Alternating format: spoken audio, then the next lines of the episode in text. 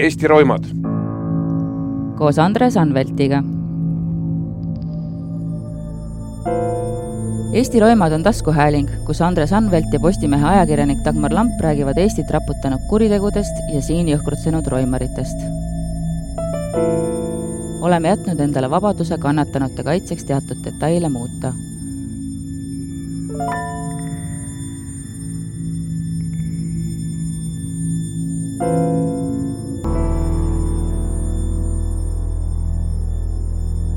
kuhu läheb kurjakas, kurjategija, alustav kurjategija, kui tal on vaja nõu ja abi?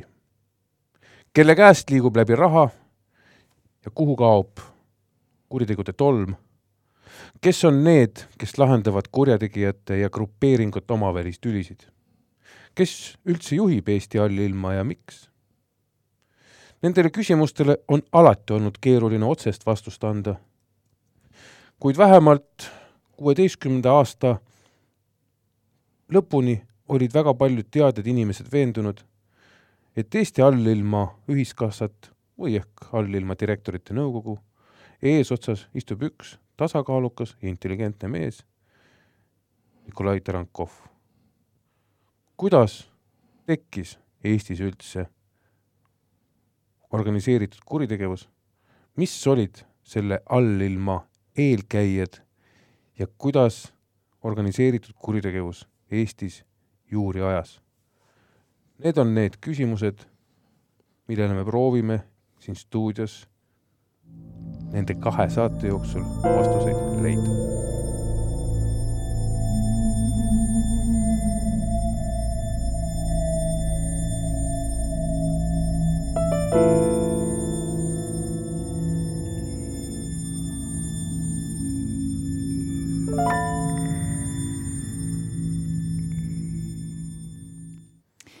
tere taas, kallid kuulajad, me oleme siin Eesti Roimade podcasti stuudios koos minuga, loomulikult mina olen Dagmar Lamp, Postimehe ajakirjanik äh, ja minu truukaaslane Andres Anvelt, kes ei ole nüüd jätkuvalt meil maha jätnud kõigi nende nädalate jooksul tere, Andres! tere, Dagmar! ja meil on täna väga-väga eriline külaline, endine krimiajakirjanik, praegune suur krimihuviline Rasmus Kage tervist ja nende kahe härraga, mul on siin ikka tore nende härrade seltskonnas viibida igal, igal nädalal, üle, üle nädala. Eh, täna me läheme siis allilma radadele. mina hakkasin lugema sellist raamatut nagu Kriminaalne Eesti, mis kohe lajatab hästi-hästi tugevalt tuhande erineva nimega, eh, pajatab paarist toredast mõrvast, kus inimesed aeti elusalt kirstu, aga sellest me täna ei räägi. Eh, me hakkame rääkima Nikolai Tarankovist, aga selleks, et mõista, äh, mida või kes oli Tarankov ja, ja mida ta üldse tegi, me peame minema, ma saan aru, hästi palju kaugemale, aga kui ma seda tausta siin kokku äh, uurisin, siis äh, mul tekkis kaks põhilist küsimust. esimene oli see, et mida ta siis ikkagi tegi, sellepärast et mingit sellist ausat äritegevust tema nimel ei olnud ja teine küsimus mul tekkis, on see, et tema ametlik, ainuke ametlik tööstaaž on Klooga pioneerilaagris katlakütjana ja kuna Klooga on minu kodukoht väga hingelähedane mulle, siis ma tahan teada ka, mida ta seal tegi, aga sellele ta vist ei oska mulle vastata, kuidas ta katelt küttis, nii et rääkige siis, mis ta muidu tegi. jaa, ma loodan äh sina ei saanud ikka selles pioneerilaagris käia vist, eks? natukene jah, ma olen natuke, natukene noorem. ma isegi jõudsin leinata seda, et äh, tuli iseseisvus, kui ma läksin esimesse klassi.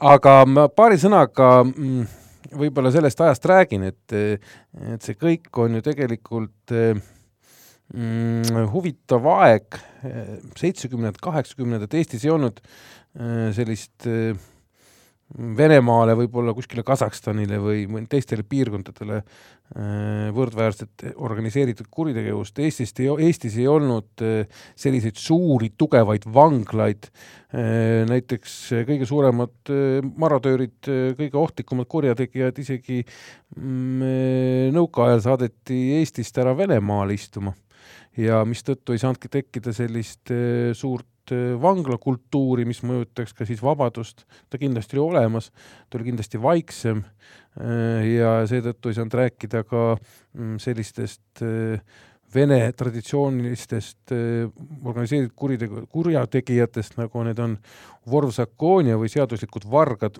igatahes nendest on vähe kuulda olnud, siin on küll ennast üks või teine pakkunud selleks, aga sellist massilist liikumist, nagu Venemaal seda oli, siin ei täheldatud.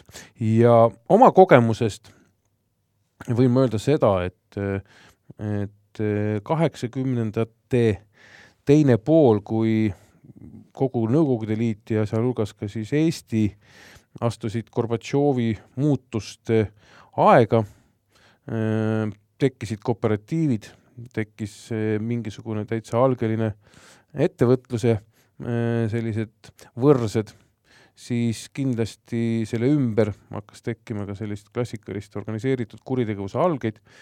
esiteks sellepärast, et Eestit peeti ju kogu endises N-liidus sellist Euroopa aknakeseks ja võib-olla isegi paljud kuulajad ei tea, et, et Eesti oli üks ju väheseid, kui mitte ainukene koht endise Nõukogude Liidu territooriumil, kus käisid välisturistid näiteks Soomest ilma viisata, vähemalt üheks ööks said nad siia tulla niimoodi, kus vaadati Lääne televisiooni, kus sellised tegelased nagu farssovšikud või ärikad äh, said endale esimesed tuhanded, äh, kui mitte kümned tuhanded teenitud, nii et ta oli huvitav koht ja väga külgetõmbav. ja, ja kui me nüüd räägime Tarankovist, äh, siis tema puhul kindlasti mm, tuleb vaadata sügavamalt sisse võib-olla tema sellisesse minevikku. muideks see on olnud vägagi vaidlusalune erinevate inimeste vahel, kes selle aja vastu on huvi, selle aja vastu on huvi tundnud noh, punkt üks on see, et sattus ta siia ju Valgevenest. aastal seitsekümmend kolm. kolm jah, vaadates tema sünniaastat viiskümmend kolm, kahekümne aastane, miks paljud siia tulid, tulid ju merekooli. Ja vahele tahtsin öelda, et mulle meeldib see, kuidas kõik meie kurjakad on käinud merekoolis. kõik senimaani. Ustimenko, Medvedjev äh, no need on natukene kaks täiesti erinevat poolt, eks ju, aga, aga, aga ma arvan, et võib-olla see, miks ka mõned äh, Nõukogude äh, kodanikud Eestisse sattusid merekooli, on ennekõike tingitud just sellest, et siitkaudu oli võimalik ikkagi läände mm. lihtsamini võib-olla hüpata, sest Eesti meremehi väga lihtsalt äh, lääne suunal liikunud laevade peale ei lastud ja siin olid ka muidugi eriteenistushuvid, seepärast et kui sa said merekooli eriteenistused väga lähedased, ehk see tähendas seda, et kui sul oli ka mingi eriteenistuse kas või kaudne taust, näiteks see taust, et sind on juba värvatud või sinuga on räägitud, siis merekool võis kindlasti palju huvi tekitada, need on olnud ühed spekulatsioonid, mis on Tarankovi puhul, ma ütlesin, ajaloohuviliste vaidluseks kuskilt ma ka kaevasin välja selle, et ta oli ka KGB ühe kõrgema kooli kursant, kus ta heideti tapmiskahtluse tõttu välja, aga sellest on ainult tõesti see üks lause. see on ainult üks lause ja see on see, mida äh, väideti, seda keegi ei oska öelda, aga siin on üks loogika, mis seobki, mida peab kindlasti ära mainima, mispärast Eestis oli see kõik asi teistmoodi. Eestis, eh, kuna väga palju oli sellist läänesuunalist uut ettevõtlust, siis väga suur huvi oli KGB-l just nende inimeste vastu, kes tegelesid siin Viru ja teiste hotellide ümber mingisuguste šmotkade või riiete müügiga, valuutatehingutega, eh, valuutaprostituudid ja kõik need muud asjad.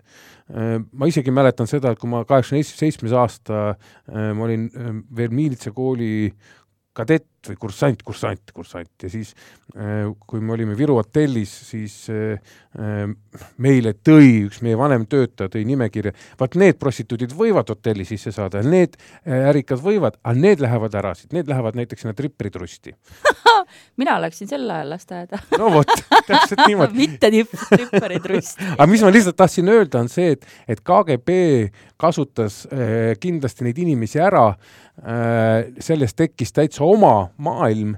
Ja kui sa olid sellega seotud, kui me võtame seda, et näiteks Kolja Trankov oli väga tugev sportlane, ta siin tuli poksimeistriks seitsmekümne ühe kiloste meeste seas kaheksakümne esimesel aastal äh, ja, ja ta käis, nad kõik käisid spordiklubides, kus käisid ka väga palju julgeolekutöötajad, nii et sealt need sidemed ja kui me võtame siin näiteks hilisemad tema kaaslased kuskilt Keemrovo grupeeringust, kus oli ka endiseid julgeolekutöötajaid, nii et Eesti erinevus sellist näiteks Lätist või, või Leedust või rääkimata Peterburist või Leningradist tolleaegsest, oli see, et siin seda klassikalist organiseeritud kuritegevust mitte ei olnud, nii et ma arvan niimoodi, et see Tarankovi lugu oli kindlasti see eriline lugu, mis Eesti olukorda mingil määral leevendas, kuigi noh, millest me hiljem räägime, need roimad, mis üheksakümnendate alguses hakkasid toimuma, need muidugi isegi võib-olla tõestavad vastupidist. aga korra sellest varjust lihtsalt rääkides, et see KGB vari tegelikult saatis teatud mõttes äh, Tarankovi ikkagi kogu see aeg, mis mina mäletan, et ma sellest allilmast kirjutasin. et tuleb ju rõhutada, et selline kõige kuumem aeg oli üheksakümnendatel, kahe tuhandendatel krimireporterid sisuliselt kõikides lehtedes äh, pidid äh, oma professiooni muutma, sest Eestist hakkas saama selline järjest turvalisem ja järjest äh, äh, sellisem noh, parem ühiskond, kus krimireporteritel lihtsalt ei olnud tööd, mille üks põhjus on ka see, et, et et nii nagu politsei tegi head tööd, nii sellesama Tarankovi juhtimisel, paranda Andres, kui ma eksin, sisuliselt Allim leppis kokku, et avalikus kohas enam omavahelisi sõdu ei peeta ehk et kahe tuhandendatel seesama Ustimenko ja Medvedjev, kelle lugu sa mainisid mm, -hmm. oli üks näide sellest, kuidas sisuliselt kas mitte ei olnud nii, et Tarankov andis allilma käsu, et sisuliselt aidata politseid tuvastada, kes kurat Roosikrantsi tänaval selle pommi plahvatama pani, eks ju no äh, selle suhtes see kindlasti on võimendatud, eks ju, aga ma saan aru, et allilm oli väga pinges. muidugi oli, sellepärast et ju äh, meie jaoks, siis kui väga hea, et me sellest räägime, kui Ustimenko ja Medvedjev oma nüüd paugutamistega pihta hakkasid, siis see oli ju nagu mingisuguse teise ajastu peegeldus. me elasime juba, nagu öeldakse, tähte Star tracki maailmas juba, kõik oli väga ilus ja ja, ja siis äkki hakkasid äh, paugud käima, siis oli selge see, et näiteks politseinikel anti ka ülesanne tõmmata kõik oma võimalikud sidemed, informaatorid ka allilmasse, sest et äh, Roosikrantsi tänava plahvatus esmapilgult oli professionaalne arvete õiendamine. esimene võimalik äh, äh, motiiv oli ju selles, et keegi pressib jälle sealt näiteks sellest samast relvaärist või kellelgi teiselt mingit raha välja või tehakse mingeid ähvardusi. pluss selles majas elas väga palju ikkagi koloriitseid ärimehi. jah, õige äh,. kellel täna peaks olema huvid ka Sillamäel, eks ju, vähemalt mingisugune jälg seal oli. ehk et noh, toona oli noh, keegi ei osanud oodata või aimata, et see võib olla kahe Peterburi lähedase merekooli kursandi mingisugune täiesti arusaamatu, noh, ütleme, mitte tõmblus, vaid tegelikult täiesti arusaamatu ikkagi nagu verejanu see ei olnud selline tuleme ja teeme, eks ju, see oli ikkagi verejanu. aga, aga ma mäletan seda tõesti, et toona sai räägitud sellest, et sisuliselt noh, ütleme nii nagu võib-olla selliste sensitiivsemate kuritegude puhul ikka juhtus, et näiteks kui Tarmo Loodusel varastati ära Tarmo Loodus oli siseminister, kiiresti mm -hmm. räägime vahele, eks ju mm, -hmm. varastati Leedus ära Audi, ameti Audi, siis mis Eestis sündis, eks ju, sündis see, et, et politseinikud sisuliselt võtsid ära kõikide Eesti allilma liidrite äh, liidrite autod, panid need kahekümne neljaks tunniks parklasse. no,. kontrolli, noh, jumal ütleb. palusid üles leida, saata oma Leedu sõpradele sõna, et see, see on ääretult ebaviisakas käitumine, et riigi vastu niimoodi tegelikult oma käsi pöörati ja tuua see auto võimalikult ruttu tagasi. Ja kui, kui ma õigesti mäletan, siis oli ju nõnda, et see auto toodi sellesama Leedu hotelli ette, lilled olid kõrvalistmel, aga automakk puudus oli vist nii, jah? ma, lillede osas ma ei mäleta, automakki küll. ja arvatavasti see oli sellepärast, et see oli juba kuhugi läinud nii jalutama, et see polnud enam oluline aga kuhu ma tahtsin sellega jõuda, on see, et, et täpselt samamoodi noh, rivistas all, ütleme siis politseinikud rivistasid üles allilmaga selle Roosikrantsi prahvatuse puhul ja seda ma mäletan, et tõepoolest noh, allilm päriselt siiralt vist olla näinud ikkagi vaeva, et ise ka enda seast välja anda võimalikult ruttu juhul kui see peaks olema keegi Eesti organiseeritud kuritegevuse lülidest, võimalikult ruttu see, kes nii avalikult suurt tähelepanu põhjustanud kuriteo korraldas. sest soov oli mitte mingil juhul silma paista, selleks hetkeks oli Eestis tekkinud juba majanduskuritegevus, valgekraeline kuritegevus, et ikkagi nagu lõpetada avalikus kohas sõdimine, elada maa all, investeerida rahulikult, ma ei tea, kas või siin mõne Ahtri tänava maja Äh, ehitusse kogu oma vaba raha, eks ju, ja, ja, ja nautida pigem sellist võimalikult rahulikku elu keldris. Kusjuures äh, seda kõike kuulates võib tekkida hästi kergesti selline vale arusaam või niisugune illusioon, et tegelikult ju saab küll koos eksisteerida, et see on ju tore, et meil allilm ka, näe, teeb koostööd ja nii, aga loomulikult see ei ole niimoodi, et tead, siin, siin peab aru saama sellest, et allilm on igal pool olemas, allilm on olemas isegi Põhja-Koreas, eks ju, kindlasti on olemas ükskõik mis, Kim ise on ka võib-olla allilma esindaja mingil määral meie mõistes kui demokraatliku riigi vaatevinklist, aga aga see on igal pool, igal pool olemas olnud ja allilm äh, ajalooliselt tekkis nii, kohe kui tekkis äh, legaalne val-, võim, siis tekkis kõrvale mittelegaalne võim. Äh, mikspärast, sellepärast et kõik inimesed ei olnud sellega rahul, osa inimesi tahavad teistmoodi oma suhted reguleerida, sõna maffia tuleb muideks peaaegu üldse nimetusest surm äh, Prantsuse okupantidele, mis oli Sitsiilia vastupanuliikumine äh, prantslaste poolt äh, okupeeritud saarele. pärast seda, kui äh, prantslased välja löödi, siis need inimesed jäid kõrvale riigi juhtimisest või saare juhtimisest, sellepärast nad olid juba liiga äh, loonud endale äh, teise riigi, mis oli mm. okupatsiooni all, aga see, ma ei hakka sellest üldse aga praegu rääkima. aga, aga äh, ma tahangi jõuda vot sellesama Rasmuse väga hästi välja toodud Ustimenko äh, ja Dmitri Medvedjevi, vabandust, juures oli ka see, et, et see mõjus ka ju tegelikult sellesama Tallinna ühiskassa, sama Tarankovi autoriteedile.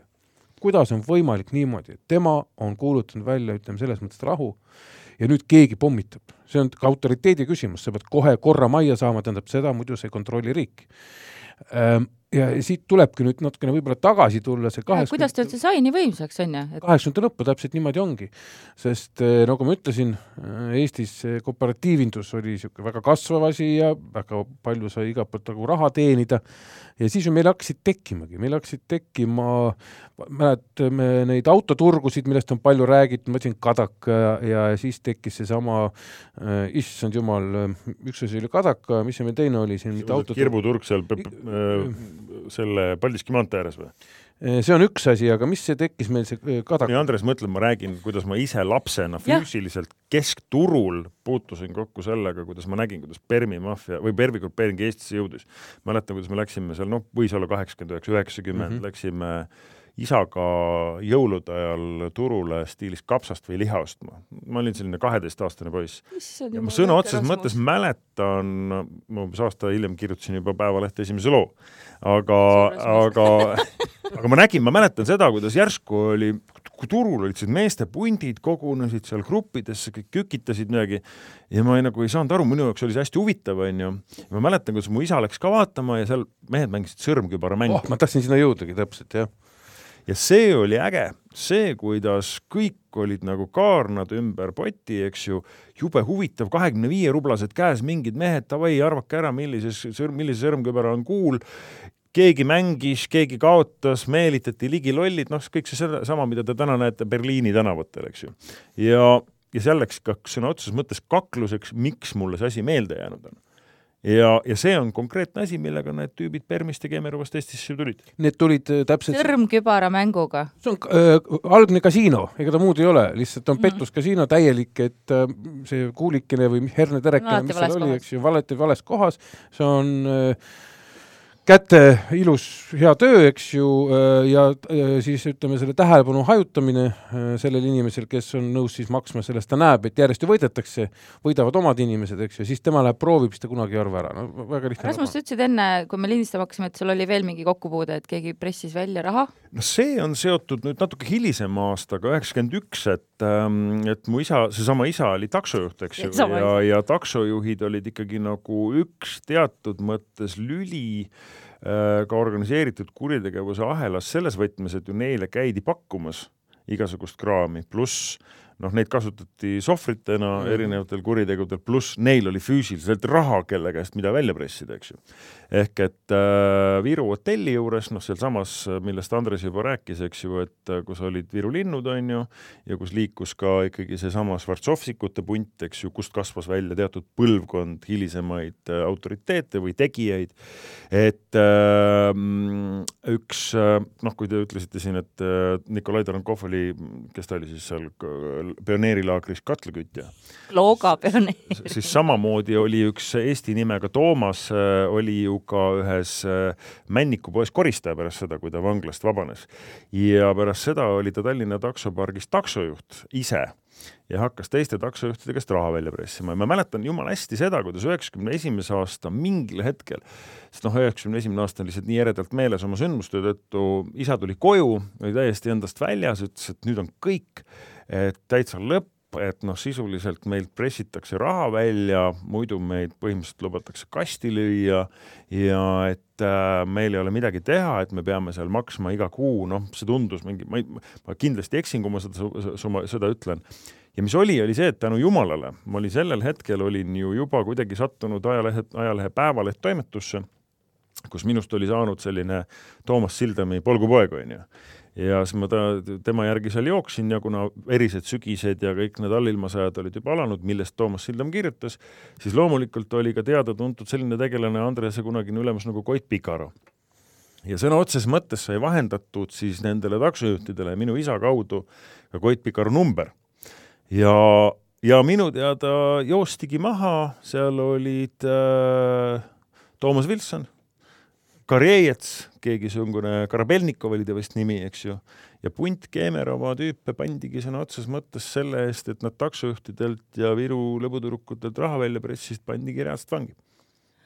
nii et täitsa pekkis. Sa oled põhimõtteliselt, sina no, oled võidelnud ma ikka reaalselt Jaa, lapsest saadik juba. ma ei saanud öelda, et see oli konkreetselt see juhtum, aga ma mäletan seda, see on, noh, see on nii eredalt meeles, et noh, see kogu see elu ju, ega me ju Andrese punasele, punast elavhõbedat hiljem kõik koolis müüsime, olemata kunagi näinud, mis asi see punav elavhõbe on ju, kõik olid suured metalliärimehed, on ju. me nägime seda, mis toimus ta, ta, Tallinna tänavatel, no see oli ikka sõna otseses mõttes no, anarhia mäletad, kas sellist meest mäletad nagu Vartan Sarkisjan? no jumal, see, kellel oli ahv taga akna peal, see Just suur suur punane Mitsubishi punane auto, Eestis pole keegi näinud ka selliseid autosid, millega sõitis ringi Vartan Sarkisjan, noh, kes hiljem üheksakümne kolmandal, neljandal samamoodi kuskil Männiku karjääris Männiku karjääris koos selle moldaavlasest ärimehega, kelle maja seisab ikka seal lollide maal, täpselt samuti maha jäetuna, ehit-, ehitus pooleli, nii nagu ta jäi siis, kui ta fenomenaalne mälu on teil no mõte on nagu milles, et, et toona noh, lapsena või kasvava, ütleme, olin kaksteist, kolm kolmteist, noh, need kõik asjad lihtsalt juhtusid sinu ees. pisikeses Eestis, noh, ei olnud võimalik äh, Tallinnas eriti elades, ma elasin Balti jaamas. sisuliselt sul ei olnud võimalik sellest kõigest kõrvale jääda et äh, küll su enda sõbrad, keegi läks sinna pahale, pahale teele või kuritegelikku maailma, on ju, või, või kuskil koolivend või, või sa nägid, kuidas kellegi teise isa selle all kannatab, on ju, või sa nägid, kuidas Toomas Sildam sellest kirjutab ja läbi selle, noh, hiljem ma nägin, kuidas Andres ja sõber sellega võitleb, on ju noh, nii see oli. ja äh, üks asi lihtsalt ma äh, tähelepanu, äh, tähelepanekuna Rasmuse jutust, keskturg, permikad kükitavad. see näitas seda muideks, et Eestisse tulid just sisse vanglas istunud inimesed, see kükitamine, suitsu tegemine on see, see vangla selline. jah, täpselt, et need olid juba sellised, kellest ma tahtsingi rääkida, et need tulid ERM-ist, need tulid Krasnodarist, need tulid Kemerovast, need tulid Solikamskist, Solikamskist, igalt poolt, aga need kõik, need kohad on seotud tegelikult suuremate äh, kinnipidamiskeskustega Venemaal. ja nad hakkasid siia Eestisse saabuma, tegid sedasama äh, sõrmkübaramängu, siis hakkasid kooperatiividele katuseid tegema, eks ju, noh, äh, kõige lihtsam sama see autojuppide turg, eks ju, kus sul müüdi neid, ma ise ostsin, ma mäletan selle Žiguli siis seda mingit toru, mis pidi jahutussüsteemi hoidma, mida kooperatiivid müüsid plastmassist, mis kohe läks katki ja siis keegi tellis jälle kellelegi karistusaktsiooni selle eest ja no see kõik kasvas niimoodi. teine asi oli ju väga lihtne, oli see, et ju siis ei olnud mingisugust konkurentsiametit, siis mingit tarbijakaitseametit. me olime niisugune vaba turg, tule ainult ja võta. aga sinu potkas äh, müüakse näiteks äh, mingeid autojuppe või mingit odekolonni selle hinnaga, kõrval tegi keegi teise hinnaga ja ongi, äh, teeb hinnadumpingut, siis sul on katus, inimesed ise otsisid katust, kes läheb ja paneb selle teise putka öösel põlema ja siis see konkurentsi äh, asi on lahendatud, eks ju ja, ja kõik see viis kokku selleni, et see anarhia hakkas üle pea kasvama ja tegelikult organiseeritud kurjategijatel, niisugused klassikalistel, nad tahavad ise ka natukene, natukene rahu, sest ikka, kui nende enda vendasid langeb nagu loogu, äh, siis sul ei ole uut järelkasvu oodata, sa hakkad otsima seda, kes pakuks äh, mingisugust rahuprotsessi.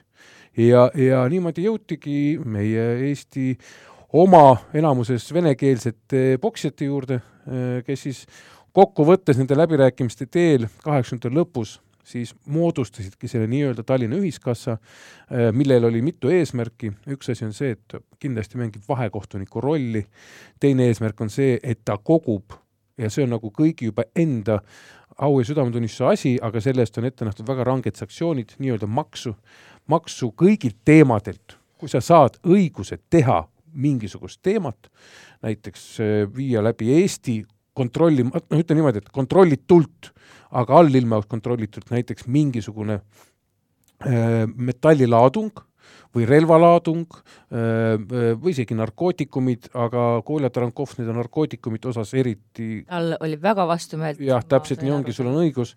ei joonud ja suitsetanud ja, ja täpselt nii ongi, aga, aga metall ja kõik see muu, mis üheksakümnendate aastate alguses hakkas läbi Eesti vuhisema, nii et Eesti üheksakümne kolmandal aastal oli värviliste metallide tootmis- või see ekspordi, mitte tootmise, ekspordi poolest maailmas teisel kohal see tuli kõik Venemaalt. seepärast Venemaal oli need Vene tehased kõik müüdi maha, sõjatehased.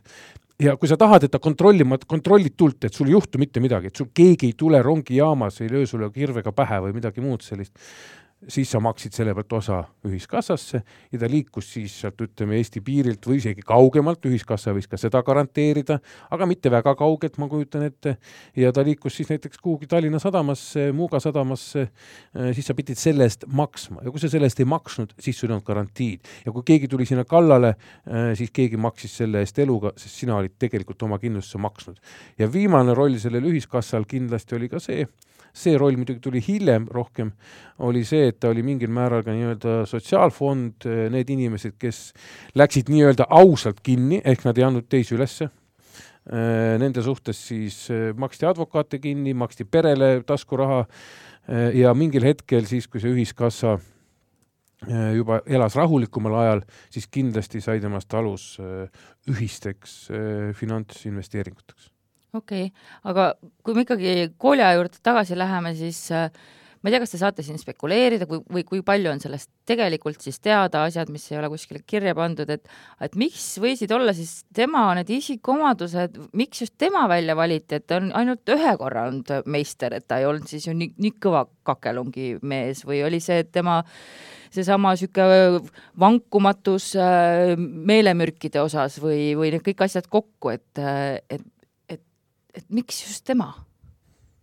no vot, ma arvan, et mina ei ole siin kindlasti võib-olla kõige parem vastaja, sest ütleme, ajakirjanikud on alati äh, teatud mõttes nagu nukras seisus, on ju, et äh, me tõesti oleme, ma olen iga päev me midagi seisus. saame, kuskilt midagi kuuleme, aga tegelikult võib-olla see meieni jõudnud informatsioon on alati noh, erilise sellise koefitsiendiga, eks ju mm. -hmm. et noh, et äh, ka politseinikud ei avalda ju kõiki oma kvartaalseid äh, organiseeritud kuritegevuse ülevaateid, mida Kesk-Krimka omal ajal siseministrile tegi ja politsei peadirektorile ja mida mul ajakirjanikuna paar korda punase templiga dokumenti õnnestus äh, ka lugeda, mis tõesti olid no, kulda väärt, kulda väärt paberid, eks ju, aga mida sa said tõesti kasutada ainult nii-öelda enda teadmiste võib-olla silmaringi avardamiseks, on ju. aga see küsimus, mida sa küsisid, on selles mõttes nagu õige, et äh, me ju mäletame sellest samast üheksakümnendate algusest ikka väga-väga-väga ütleme, veriseid sündmusi mitmelt poolt Eestist, noh eriti Ida-Virumaalt, kus käis üle kaks äh, verist lainet, eks ju.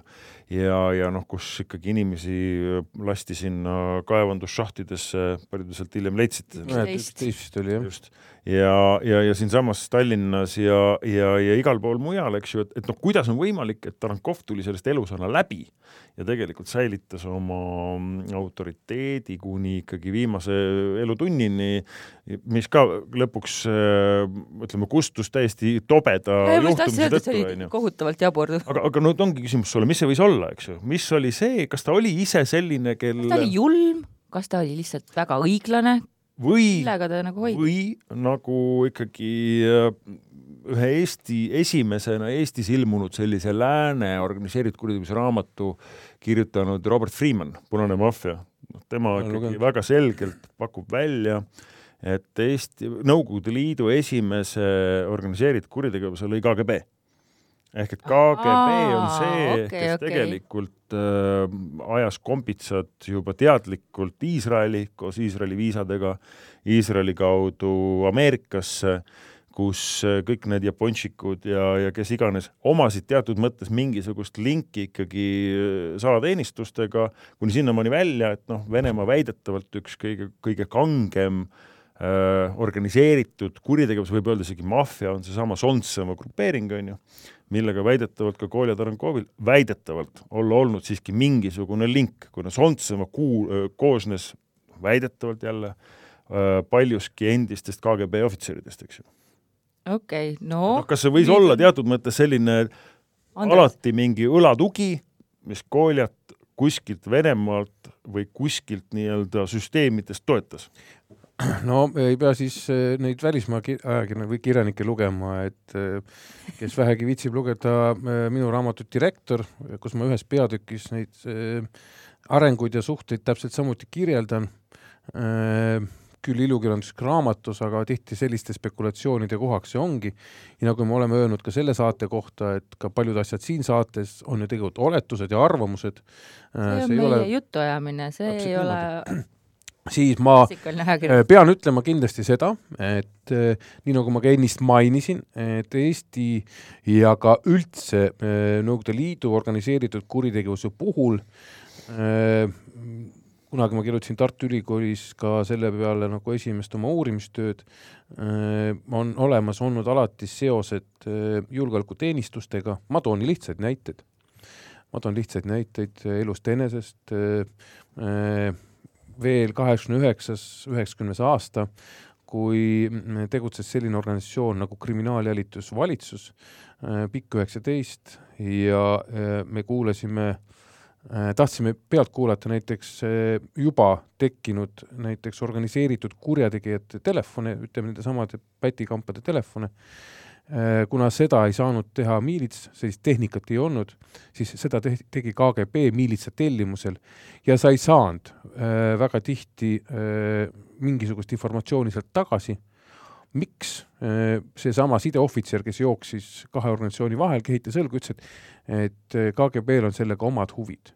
ehk tegelikult äh, selle kaudu värvati, selle kaudu loodi sidemeid Äh, kindlasti väga paljud inimesed, kes äh, Viru ajal, nii nagu ma ka ütlesin, kui see oli ikkagi äh, julgeoleku poolt, öeldi, et toodi siis sinnasamasse miilitsa eriteenistusse, toodi nimekirjad, need lähevad läbi, need ei lähe läbi. see tähendab seda, et keegi juba tegelikult töötas KGB jaoks ja me teame kogu seda Viru hotelli lugu, eks ju, mis puudutab, kuidas Viru hotelli ära kasutati, siis väikses Eestis võib väita seda kindlasti, et ka siin oli see asi väga tugevalt mängis rolli ja sellepärast ma arvan ühtepidi, ei saanud ka nii-öelda need vanglat organiseeritud kurjategijad, need platnoi maailma esindajad, ei saanud väga kõvasti eh, jalga ukse vahele.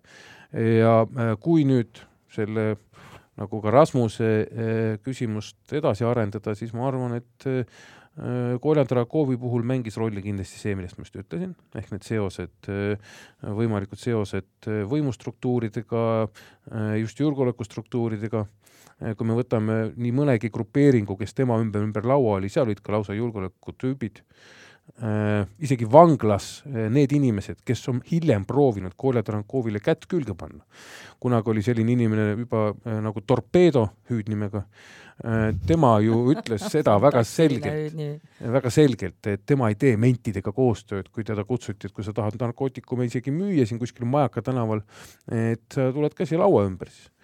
Äh, teine asi kindlasti, mis tasub märkida, on see, et kõik need, kes proovisid äh, Kolja kohta ära võtta, äh, siin on sellised inimesed hästi nime, huvitavate nimedega millegipärast, sellepärast et torpeedo üks, torpeedo kaks. ei, ei, ei, palju ajaloolisemad Juri Kalinin, aga mitte see Kalinin, kes käis siin Eestis kunagi seitsmeteistkümnendal aastal riiki pööramas.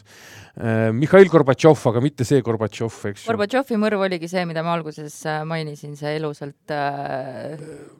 nojah, ma tahan öelda, et need olid paar näidet sellest ja keegi ei saa arvata, et neid tegelikult veel ei olnud, kes proovisid vaikselt seda võimukest siin üle võtta ja kes tahtsid võib-olla ennast sättida siia trooni esiotsa. Ja mis nendega juhtus, nad kõik leidsid otsa.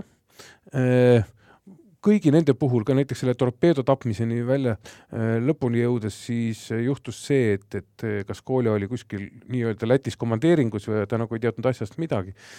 Äh, ja, ja teine asi, mis tema kohta räägiti, et ta suutis ikkagi oma autoriteedi luua sellega, et olles nii-öelda see vahekohtunik seda rääkisid kõik needsamad äh, tolleaegsed tema kaasaegsed gruppide liidrid, oli ta väga õiglane, et oli väga õiglane ja ta ei läinud kunagi äh, mingisuguse raha eest kellegi teise paati, kõik pidid maksma sinna Abšaki raha ühiskassasse, aga ta ei äh, lasknud ennast ära osta, et mingi parema äh,, ka korruptsioon organiseeritud kuritegevuse maailmas on taunitav, tuleb välja, eks ju, ja sellest luuakse siis mingisugune selline teine, teine tehismaailm, aga, aga ta töötab.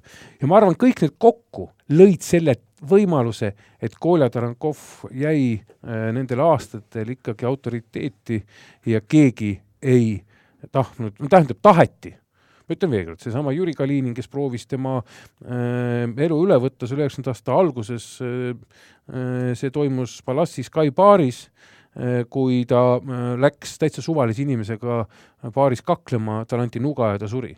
keegi ei uskunud muidugi tol ajal, et see oli juhus või Miša Gorbatšov, kes tegelikult tapeti oma inimeste poolt äh, Poolas, äh, kõik need oma inimesed hiljem siis ka hukkusid.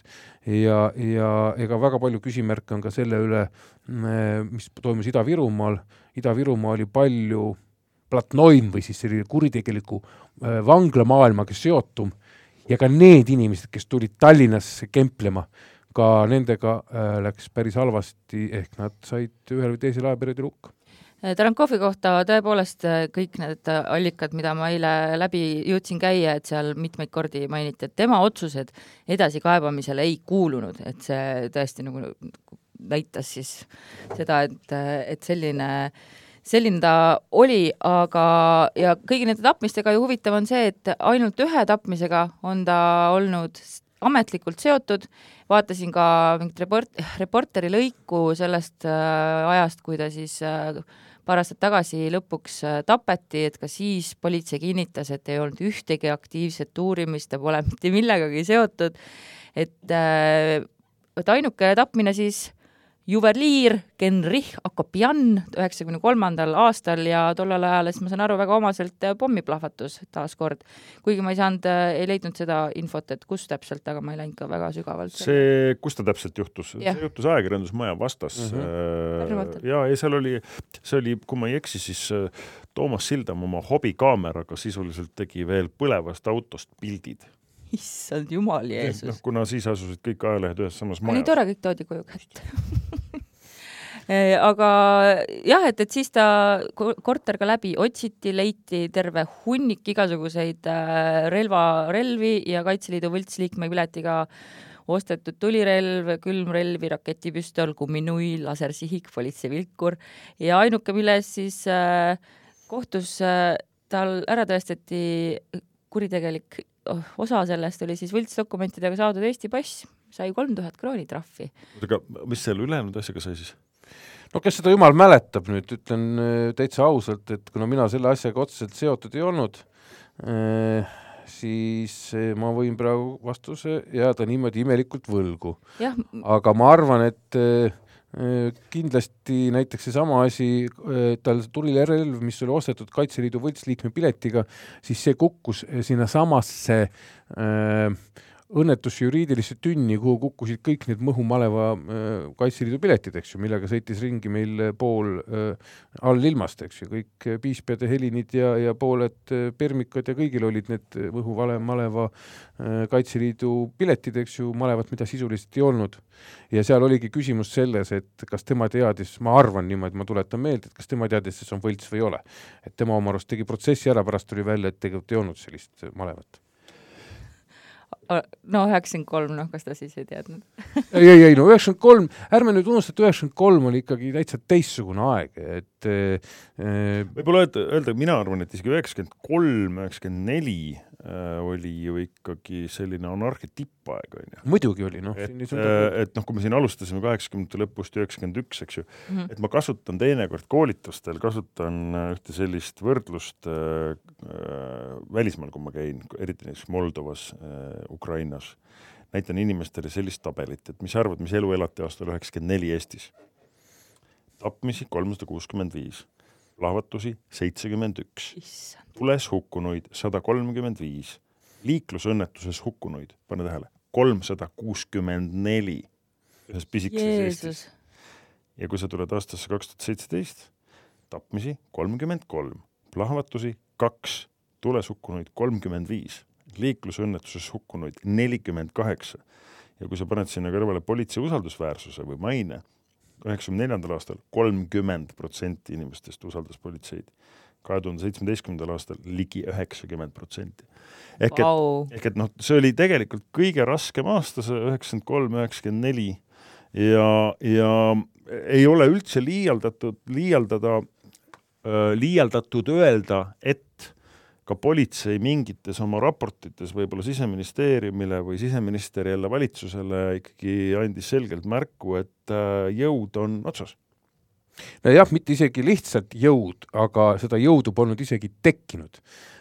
meil tuletab, tuleb, et kui üheksakümmend üks taasloodi Eesti politsei, siis väga palju ka politsei sellise või miilitsa, aga kriminaalpolitsei, kriminaaljälituse taustaga inimesi lahkus ju.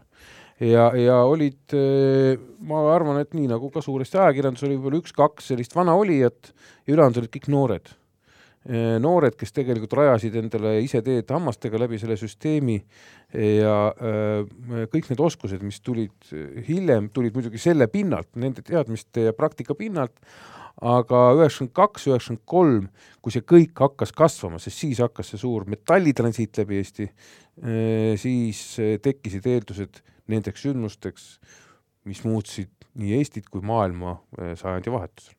aga siin ongi sobiv aeg teha sellele saatele lõpp, sellepärast et edasi järgmises saates me läheme juba nende põnevate sündmustega, mis siis äh, siit edasi juhtuvad, äh, kuni jõuame välja siis äh, Tarankovi elu lõpuni. Äh, aitäh, Rasmus, et sa tulid meiega rääkima oma lõputuid põhjatuid teadmisi jagama. liialdatud, liialdatud, olen kõik need enamasti ära unustanud. uus iidol, aga näed, tuleb meelde küll. ja aitäh sulle, Andres, vaatame, kas järgmises saates ikka veel pole mind maha jätnud. aga aitäh ka kuulajatele, leiate meid Postimehe raamatu veebist podcastide alla tekkinud on tõenäoliselt Eesti Roimade pesa, aga ka SoundCloudist või oma eh, podcasti rakendusest, otsides Eesti Roimasid, kindlasti leiate meid ülesse. ja hakkame õige pea jõudma meie esimese hooaja lõppu, kuid ärge muretsege, mõned saated on kindlasti veel tulemas, nii et eh, püsige lainel, järgmine saade eetris kahe nädala pärast neljapäeval. nägemiseni! nägemiseni! nägemist! Eesti Roimad koos Andres Anveltiga.